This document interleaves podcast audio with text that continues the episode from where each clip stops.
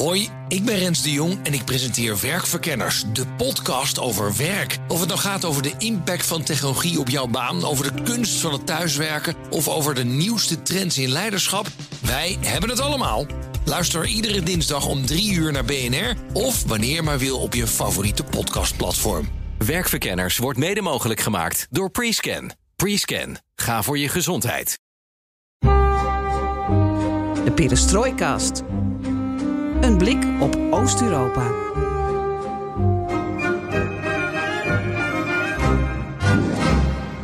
Welkom bij BNR Perestrooikast, aflevering 190 van de enige podcast van Nederland die volledig oog voor het oosten heeft en geeft. Een extra aflevering die we op donderdagochtend 24 augustus 2023 om 9 uur Nederlandse tijd opnemen in verband met de aannemelijke dood van Yevgeny Prigozhin.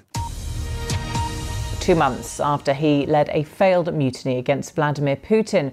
Russian mercenary leader Evgeny Yevgeny Prigozhin is reported to have been killed. This footage, verified by the BBC, shows the moment his Wagner group's private jet hurtled to earth about 300 kilometers or 200 miles northwest of Moscow. Het is niet zo dat deze aflevering een eerbetoon aan Prigozhin wordt. Wel proberen we je in 20 minuten uit te leggen wat er nu toe bekend is en wat er nou gebeurd is. Is Prigozhin bij de vliegtuigcrash omgekomen en zo ja, waarom? Nou, dat bespreken we dus met Floris in Zandvoort. En, en Floris, je bent net iets minder goed te verstaan dan doorgaans vanwege een klein uh, mondmankement. Ja, en, uh, ja, iets aan mijn gebit, tandarts, gedoe. Ja. dus iets minder goed verstaan misschien. Maar Ook toch, toch geweldig dat je erbij bent op deze vroege ochtend. En we hebben natuurlijk onze man in Moskou. Bureau Moskou is ook geopend. Heeft volgens mij eigenlijk de, de luiken niet dicht gedaan vannacht. Joost, goedemorgen. Goedemorgen. Beetje geslapen? Een beetje, ja. Dat zeg je goed. Nee, het was een korte nacht, maar uh, ja, het, uh, het, is niet anders. Zo gaat het af en toe. Je hebt beter geslapen dan Prigozhin, denk ik. Nou, ik denk dat hij heel goed slaapt op het moment. Je wordt nooit meer wakker. Daar komen we zo over te spreken. Floris. Je weet het, alles in de perestrooikast kan worden besproken. Ten oosten van de rivier, de Elbe, de komende weken, maanden, jaren. En wat leuk is, is dat wij heel sociaal en democratisch zijn. Abonneer je op ons, zodat je geen aflevering hoeft te missen. Ook niet als we bovenop de actualiteit zitten. BNR Perestrooikast. Zoek ons op in je favoriete podcast-app. Ik ben Floris Akkerman. Mijn naam is Geert-Jan Haan. En dit is BNR Perestrooikast.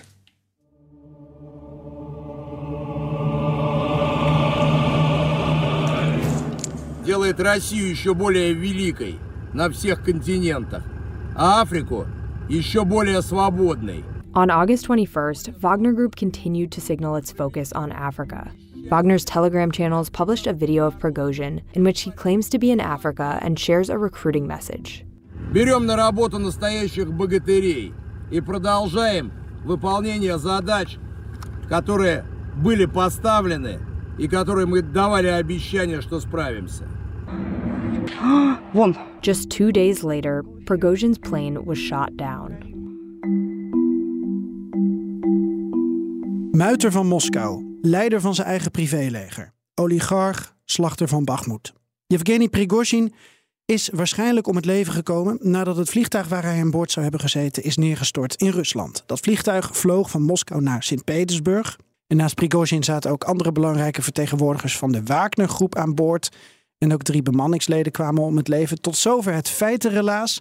Want hier begint in feite al de schimmigheid, Joost.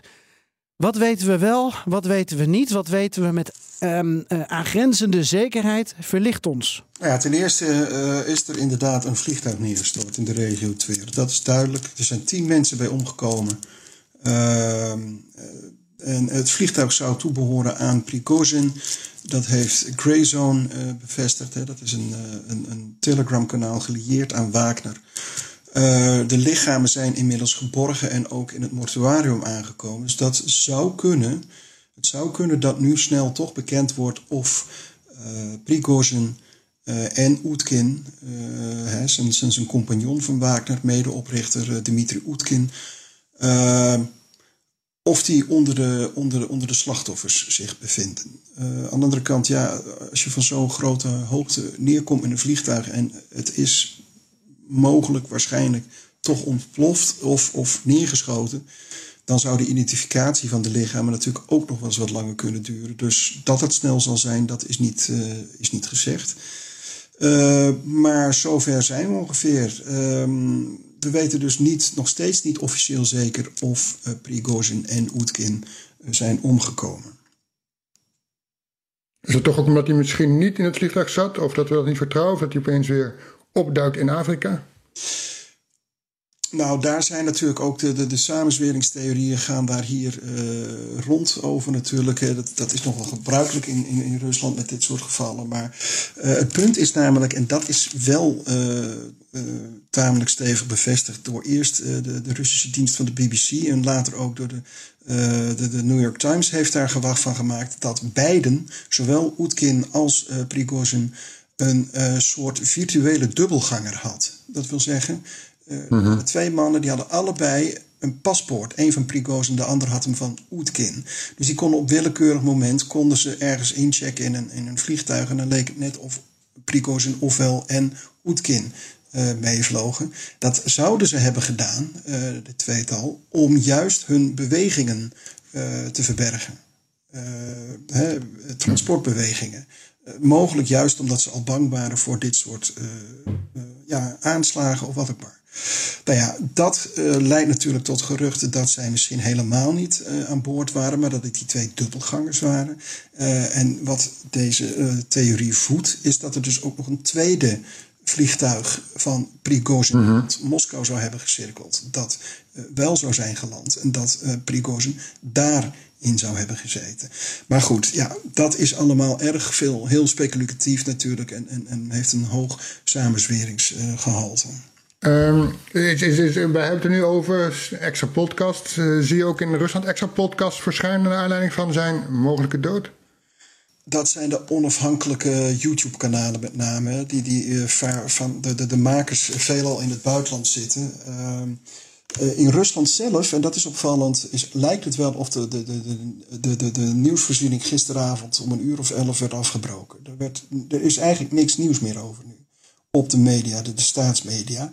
Er wordt maar gemeld dus dat het vliegtuig nog steeds uh, ja, is neergestort en dat er tien doden zijn gevallen. Dat Prigozhin op de passagierslijst stond en daar blijft het bij. Het, er wordt eigenlijk geen aandacht meer aan besteed. Nou ja, dat kan twee, uh, met twee zaken te maken hebben. A, dat hij gewoon officieel nog niet dood is verklaard en dat daarom gewoon ja, toch veel speculeren blijft natuurlijk. Maar B, uh, moet je niet vergeten dat Prigozhin na zijn muiterij van juni uh, in de Russische media uh, ja, toch tot een verschoppeling is geworden, hè, verworden. Hij werd eerst zwart gemaakt, vervolgens ja, werd hij eigenlijk gewoon doodgezwegen.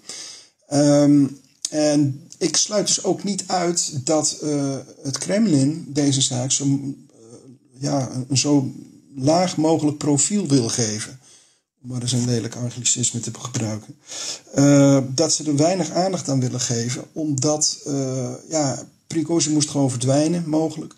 En uh, dat is nu gebeurd en zand erover. Dat hij ook niet tot een soort held wordt. Hè? Dat, dat, mm -hmm. dat een soort martelaar wordt van het Kremlin.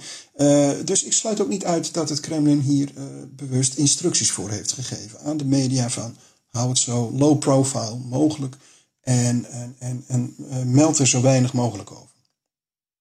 Ja, Gert-Jan, je hebt ook gekeken wat uit Oekraïne van reacties komen. Um, kun je ja. daar een, iets over zeggen? Nou, ten eerste uh, heeft Oekraïne zelf al vrij snel aangegeven dat zij hier niet achter uh, zitten. Want um, kijk, we hebben het over een vliegtuig dat is neergestort. Dat is omdat we nog niet officieel weten of er sprake was van een explosie aan boord. Of dat er met een vorm van uh, luchtafweerraketten op dat vliegtuig is geschoten. Misschien wel een, een, een boekachtig scenario à la MH17. De, de ravage is in ieder geval enorm. Maar Oekraïne wilde dat uh, die discussie ook voor zijn door aan te geven: uh, dit waren we absoluut niet. Dat is omdat er natuurlijk vaak discussie is over of Oekraïne achter een bepaalde uh, aanslag in Rusland zit. Denk aan drone-aanvallen bijvoorbeeld. Nou, Oekraïne had voorheen de gewoonte om dan te zwijgen. Um, heeft de laatste weken de gewoonte ontwikkeld om toch wel te zeggen dat ze iets gedaan hebben. Maar als ze het uh, heel erg stellig ontkennen, dan ehm, is er vaak ook geen bewijs voor dat het Oekraïne is. Maar dit wilden ze voor zijn om te voorkomen dat het in hun schoenen geframed zou worden. Nou, ik heb daarnaast nog een tiental Oekraïners, denk ik, uh, gisteravond er alle uh, berichtjes gestuurd en toch gevraagd van, um, ja, hoe kijk je nou naar de dood van Prigozhin, de aannemelijke dood? En vind je het jammer dat hij niet uh, voor een rechtbank verschijnt of dans je op zijn graf? Zo heb ik hem maar even aangeschreven. Ik moet zeggen, ik kreeg veel um, gifjes en emoties terug van, van dansende poppetjes. Dus dat was redelijk veelzeggend. Ik denk dat er één of twee mensen waren die tegen mij zeiden: Nou, ik zie hem het liefst uh, uh, ja, veroordeeld worden. En dat hij uh, ja, echt moet nadenken over wat hij allemaal heeft aangericht. Ook bij Bachmoed bijvoorbeeld. Tegelijkertijd, vanuit Oekraïne um, kreeg ik ook veel reacties um, van... ja, weet je, het, het gaat ons uiteindelijk niet om, om Prigozhin. Het gaat ons om Poetin. En ik wilde dat toch nog even met jullie delen. Ja, heel goed. Dank voor het delen. Uh, en het Kremlin, uh, Joost, zwijgt naar alle toonaarden. We zagen ook beelden van Poetin gisteren bij een concert. Uh, en daar ook beelden van hem vliegend, rijdend, dan met noodvaart door Moskou rijdend. hij zwijgt. Ja, hij, hij, was, hij was gisteren in Koersk toen het gebeurde. Om daar de, de roemruchte gelijknamige slag van 80 jaar geleden te herdenken. Hij deelde er mm -hmm. Medailles uit, ook aan, oud-veteranen aan veteranen van die slag, maar ook aan, veteranen van de, de speciale militaire operatie in Oekraïne. en uh, nou ja, dat, uh, maar voor de rest, hij heeft er met geen woord over gerept. Ook zijn woordvoerder zwijgt in alle talen, Dmitri Peskov. en ook in de politiek. Je ziet op de sociale media helemaal niets. Um, nou ja, wat ik al zei, Prigozhin was al een beetje een verschoppeling. Dus ik denk dat de politici in de media er toch al wel een zekere zin aan gewend zijn geraakt om niks over hem te zeggen. Maar dit is natuurlijk wel een heel uh, bijzonder moment. Maar goed, nogmaals, wat ik net al zei, hij is natuurlijk officieel ook nog niet doodverklaard. Dus um, uh, ja, is het, uh, is het misschien, is dat ook misschien wel de reden dat er zo ja, gezwegen wordt. Nog even om dat feitenrelaas wat meer op een rijtje te krijgen. We weten dat Prigozhin zichzelf uitstekend heeft verrijkt door de decennia heen. Kwam uit Sint-Petersburg, net als Poetin trouwens. Uh, Sint-Petersburg is op een gegeven moment ook een, een, een, een beetje een maffia-stad geworden. Waar iedereen natuurlijk heel veel geld kon gaan verdienen. Nou, Prigozhin heeft dat op zijn eigen manier gedaan. Met een hotdogkraampje dat ineens een restaurantketen werd. En uiteindelijk heeft dat geleid tot uh, allerlei andere zaken waar hij ook in zat. Een trollenfabriek en natuurlijk de Wagnergroep. En hij kon zichzelf dus verrijken. En ook zijn eigen privéleger kon die van bijvoorbeeld vliegtuigen voorzien. En dat brengt me even bij uh, nog dat uh, ongeluk of die aanslag van, van gisteravond. Zat hij nou eigenlijk in zijn eigen vliegtuig, Joost? Weten we dat? Dit was zijn vliegtuig volgens Greyzone, uh, Telegram-kanaal van Wagner. Um, maar de, de vraag is dus of hij ook echt aan boord was. Uh, er werd gezegd, er zaten mannen, dat zei uh, uh, Ros Aviatia, hè, dat is de, de, de luchtvaartagent zeg maar in, in, in ehm, Rusland. Die meldde gisteravond dat er twee mannen aan boord waren met de namen Yevgeny Prigozhin eh, en Dmitri Utkin. Dat wil zeggen, die stonden op de passagierslijst. Nou ja, dan, dan, dat, dan, dan kunnen ze niet aan boord zijn gegaan. Uh, en het waren mannen met deze namen, zeiden ze. Er werd niet bevestigd dat het Prigozhin en Oetkin waren. Nou ja, dat uh, biedt ruimte aan speculatie natuurlijk. En aan allerlei samenzweringstheorieën. Dus ja, dat, dat, dat weten we eigenlijk nog steeds niet officieel. Nee, maar als we toch denken aan, aan, aan wie erachter zitten, welke scenario's kunnen dat zijn? De eerste gedachte gaat natuurlijk uit naar, naar het Kremlin. Ja, nou ja, en dat zijn ook de, de, de, de, de, de, de YouTube-kanalen die ik vandaag heb bekeken, gaan er ook allemaal van uit dat dat het geval is. Dat dit gewoon de wraak van Poetin is geweest vanwege die muiterij. Um, Vladimir Asechkin, de, oprichter van, van uh, Gulagu.net, uh, die Russische gevangenissen uh, in, de, in, in de gaten houdt en wat er allemaal gebeurt, die zei dat ook. Van dit is op het moment dat Prigozhin die, die, die, die die muiterij begon, heeft hij zijn doodvonnis getekend. Hij had veel beter daarna niet met Poetin kunnen afspreken, maar gewoon naar Den Haag moeten vliegen met zijn, met zijn privéjet. zich moeten melden bij het internationaal gerechtshof. Dat had waarschijnlijk een hele lange, zelfs misschien levenslange gevangenisstraf opgeleverd. Maar dan had hij de rest van zijn leven in ieder geval redelijk. Had hij zijn leven in ieder geval gered en in een uh, tamelijk comfortabele cel in uh, Europa kunnen zitten. Nou, dat heeft hij dus niet gedaan. Mm Kijk, het feit ook dat het precies twee maanden na dato is. Hè, 23 uh, augustus, 23 juni begon Prigozhin zijn, zijn, zijn, zijn rampage op, op Moskou, zeg maar. Nou, gisteren was het dus precies twee maanden later. Poetin weten we ook van, die houdt van data en de symboliek daarvan. Dus in die zin zou het ook eigenlijk ja, totaal logisch zijn dat, dat, dat het Kremlin hierachter zit. Hè. Er wordt ook in Rusland en overal ook eigenlijk wel, werd er al uh, afgelopen twee maanden met verwondering gekeken naar het feit dat Prigozhin nog steeds vrij rondliep. Hè, uh, -huh. Dat hij überhaupt nog in Rusland kon zijn en, en, en, heen en weer kon vliegen naar Petersburg naar Moskou. Nou ja, goed, kennelijk als het zo is dat het een aanslag is, dan heeft het Kremlin uh, mogelijk gewoon toch het juiste moment afgewacht. Uh, misschien ook dat ze op dit moment voor het eerst allebei, Prigozhin en Oetkin, in één vliegtuig zaten. Plus nog een, een derde topman van Wagner zat er ook nog bij. Die is ook dus omgekomen. En dat dit het juiste moment was om het te doen. Ja, en, en de krijgsmacht, die stond ook niet op goede voet met hè, top met Prigozhin. Prigozhin leefde meerdere malen kritiek op, op, op Gerasimov en Shoigu. Uh, tijdens die muiterij heeft Prigozhin uh, Russische vliegtuigen, helikopters uit de lucht geschoten. Mensen zijn omgekomen. Zou daar ook een, een revanche leven en dat de woord bij daad voegen? Nou ja, Grayzone meldde gisteren op, op, Telegram dat, dat de, de, de, de Russische luchtafweer het vliegtuig uit de lucht heeft geschoten. Dus dat, dat is tussen het leger. Uh, ja, dat lijkt ook logisch. Hè? Ook Gerasimov en Shoigu hadden natuurlijk vreselijk de bak van, van, van uh, Prigozhin. Uh, die hen voortdurend de dampen aandeed en hen uitschold voor alles wat lelijk, lelijk was. Ja, ik kan me voorstellen dat die daar ook best hebben achter, zouden hebben kunnen staan. Dat wil zeggen, we moeten ook niet onderschatten dat er ook binnen het leger toch ook veel onvrede leeft onder generaals. Die toch ook wel uh, een zekere sympathie hadden voor, voor Prigozhin, omdat hij durfde mm -hmm. te staan. Hè. Er zijn de laatste maanden toch wat meer generaals naar buiten gekomen die zeggen: ja, zo gaat het niet. Uh, we kunnen niet vechten op deze manier in Oekraïne. En die zijn ook uh, de laan uitgestuurd. Uh, dus ja, helemaal onsympathiek staat het leger niet tegenover Prigozhin. In ieder geval een deel van het leger. En kun je in dat kader dan ook schetsen welk belang Poetin had bij een Prigozhin die nog leefde en welk belang hij heeft bij een dode Prigozhin? Nou ja, uh, de suggestie was dat Poetin Prigozhin mogelijk toch nodig had nog om, om Wagner in Afrika nog te leiden. Hè? Want dat is toch wel heel nuttig nog voor Rusland om Wagner daar te houden. Ze halen er heel veel geld vandaan met het delven van grondstoffen.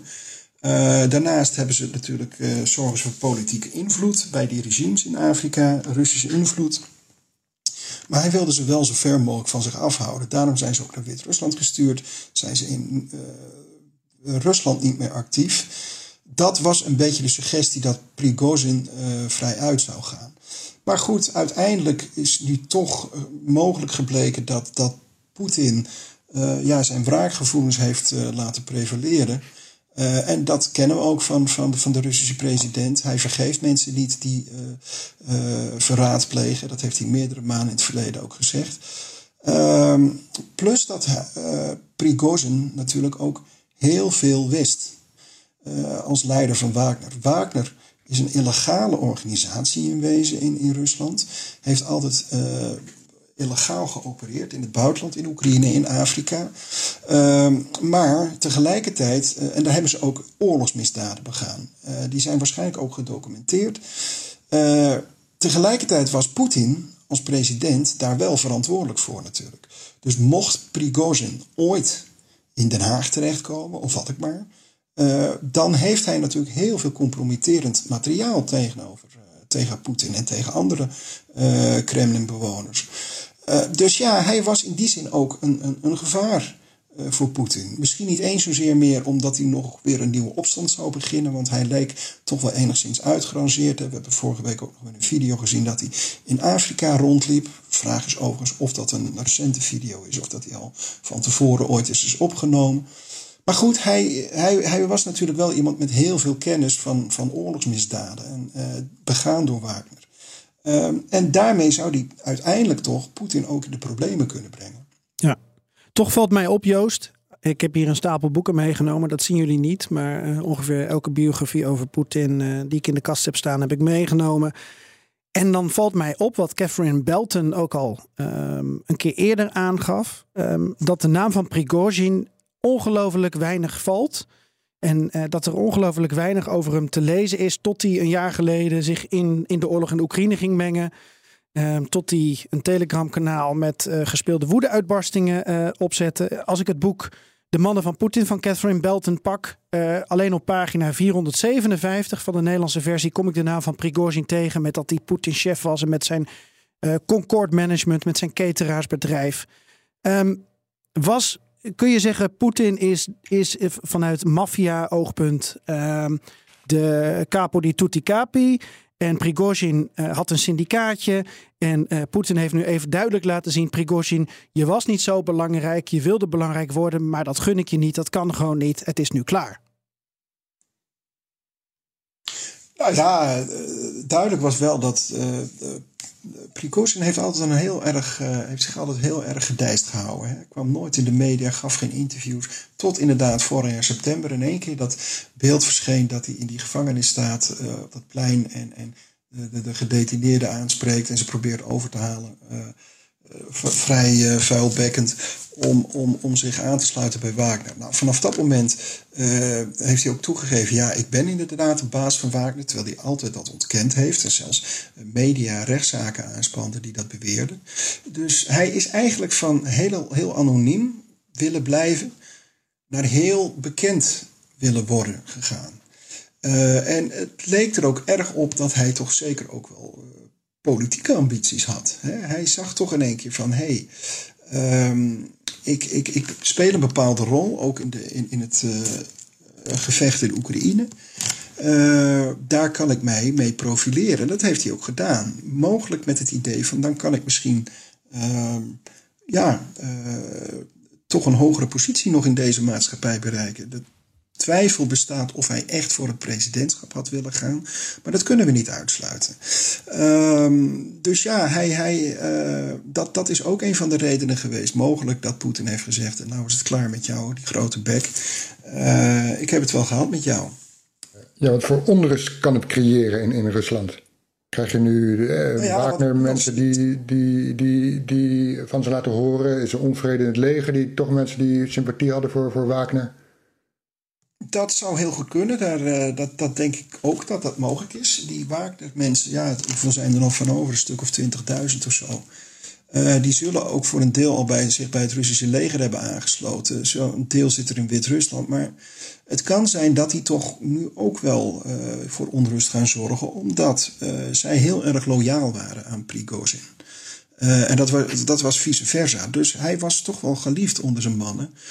Uh, nou ja, die zouden voor onrust kunnen zorgen. Maar vergis je ook niet, ook onder de Russische bevolking had uh, Prigozhin toch wel een zekere populariteit. Ik zie nu al op de media dat er her en der uh, in, in, in, in Russische steden al, al, al bloemen worden neergelegd en dat er kleine monumentjes voor hem worden opgericht. Dus ja, ook, ook vanuit de maatschappij zou er nog wel eens wat, wat onrust kunnen komen hierover. Binnen het leger? Dat lijkt me wat minder waarschijnlijk. Uh, net wat je zei, omdat hij natuurlijk ook zich tegen het leger gekeerd heeft uh, in juni. Uh, maar wat ik al zei, er was natuurlijk, en misschien nog steeds is wel een deel van, ook van, van de officieren, van de generaals, die het wel eens waren met Prigozhin. He, die, die ook vonden dat het, dat het niet goed gaat in Oekraïne met, met, met de strijd. En, en, en, maar ja, of die um, echt in opstand zullen komen, dat vraag ik me af. Die, die, tellen ook een knopen. Die weten ook, als ik uh, te ver hierin ga, dan ben ik de volgende die aan de beurt is. Hè? Want Poetin heeft hier natuurlijk ook een signaal mee willen afgeven. Als je verraad pleegt, uh, ja, dan kun je het niet meer navertellen. Ik zit zelf op dit moment de websites van uh, Fontanka en van MSK1 te volgen. Nou, MSK1 is eigenlijk Moskou online en Fontanka Petersburg online. En die werken ook met elkaar samen. En dan zie je inderdaad foto's van bloemen die worden gelegd door mensen in uh, legeroutfits. Um, op dit moment wordt er ook door journalisten ge, gepost bij het mortuarium in Tver, waar de lichamen zouden zijn binnengekomen. En dan zou uiteindelijk duidelijk moeten worden of dat dus om Prigozhin draait of niet. Ik wilde tot slot nog um, aan jou vragen, Joost, en misschien ook aan Floris. Ja, hoe wij alle drie eigenlijk kijken naar uh, of de dood van Prigozhin en wat er nu in Rusland staat te gebeuren, of dat ook impact op de oorlog kan hebben. Ik denk zelf, als ik het voorzetje mag geven, dat als we over een paar jaar terugkijken en kijken naar bijvoorbeeld het moment dat Poetin zou besluiten om daadwerkelijk over te gaan tot het mobiliseren van nog meer mensen, dat hij dat mogelijk dus eerder moet doen, omdat uh, Prigozhin nu om het leven is gebracht, waarbij ook veel mensen die hem steunen, veel huurlingen, veel vechters, denken van ja, um, ik ga niet voor een appel en een ei überhaupt niet binnen de structuur van het ministerie van Defensie uh, werken en vechten. Um, en op een gegeven moment zou het dus kunnen dat Rusland, dat toch deze oorlog in Oekraïne heeft gevoerd met, met, met bijna een, een kopie, met een PMC-kopie van het Wagner-model. Um, ja, dat ze in Rusland ook denken: ja, we hebben mensen tekort. We moeten toch eerder gaan mobiliseren. En dat is een gedachte die telkens in mij opkomt: dat de dood van Prigozhin mogelijk leidt totdat dat moment dichterbij komt. Maar ik weet niet of jullie dat ook zo zien. Um, ik denk nog even na.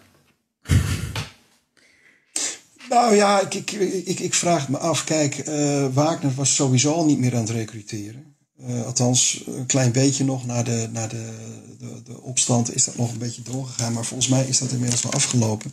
Dus uh, ja, is, is, is Rusland het leger sowieso afhankelijk van, van vrijwillige recruten en, en, en, en uh, mensen die nog onder de mobilisatie, onder die eerste mobilisatie vallen. Uh, maar goed, uh, dat wil niet zeggen, er gaat sowieso al maanden het gerucht dat er ook in september weer een tweede ronde van mobilisatie aankomt. En die kan ook worden uitgevoerd omdat Poetin de eerste mobilisatie nooit officieel eh, afgerond heeft verklaard. Althans, niet ten einde heeft verklaard. Daar heeft hij nooit een document voor getekend en dat had wel gemoeten. Dus dat kan ieder moment sowieso toch nog gebeuren. Uh, en vergeet ook niet dat Wagner natuurlijk alles bij elkaar niet zo gek veel mensen op de benen had. Hè. Uh, eigen mensen waren er iets van 20, 25.000. Nou ja, en uiteindelijk zijn er 20, 15, 20.000 gevangenen bij uh, gekomen, bijgeronseld. Dus ik denk dat die invloed eigenlijk vrij gering zal zijn. Floris? Ja, ik zit nog even een artikel bij te pakken dat ik schreef voor NSC naar aanleiding van die muiterij toen in, uh, in juni. En dus sprak ik met een aantal Oek of, uh, Oekraïnse militaire experts. En die, die eentje waarvan zei van ja, eigenlijk moet je dit soort momenten in Rusland, hè, waar, waar uh, van alles gebeurt, hè, vanuit oogpunt van Oekraïne, aangrijpen om nog meer chaos te creëren. Dus misschien toch meer, meer drones aanvallen op Moskou, misschien toch de Krimbrug weer eens aanvallen. dat soort symbolen van, voor, Poetin. Uh, om daarmee toch nog meer die interne onrust in Oekraïne of in Rusland te, te vergroten. Dat zou, dat zou uh, de oorlog misschien, ik wil niet zeggen meteen radicaal veranderen, maar een, weer een, een, volgende fase brengen. Ja, dat, dat zou eigenlijk een koekje van eigen deeg zijn. Hè? Het is ook wat Rusland voortdurend in Oekraïne doet. Uh, chaos creëren.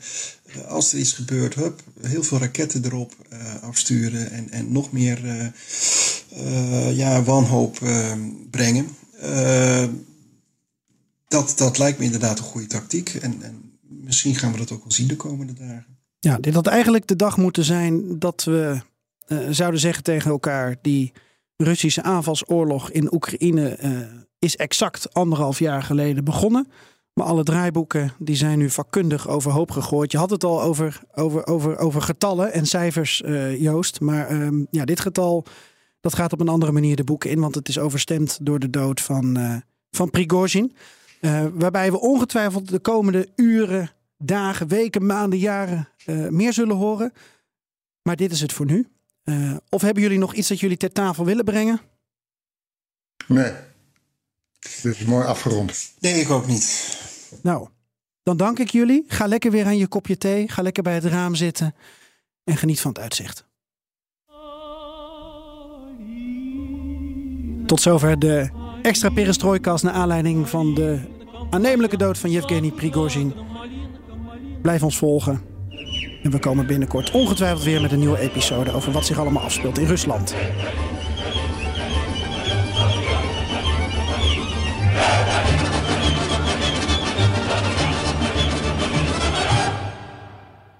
Pakka. Heito. Ja, ik ga maar aan het werk, denk ik. Ga jij maar niet bij een raam zitten, Joost? Kijk. Ga jij maar niet aan de thee? En thee drink ik sowieso niet, daar hou ik niet van. Als Europees marktleider op het gebied van internationale arbeidsmigratie bemiddelt Otto Workforce in de werkgelegenheid over de grenzen.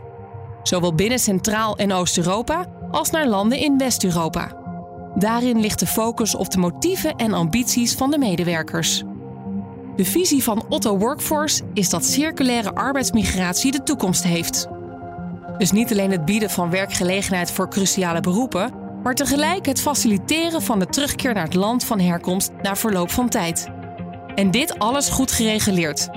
Meer weten? Kijk op www.ottoworkforce.com.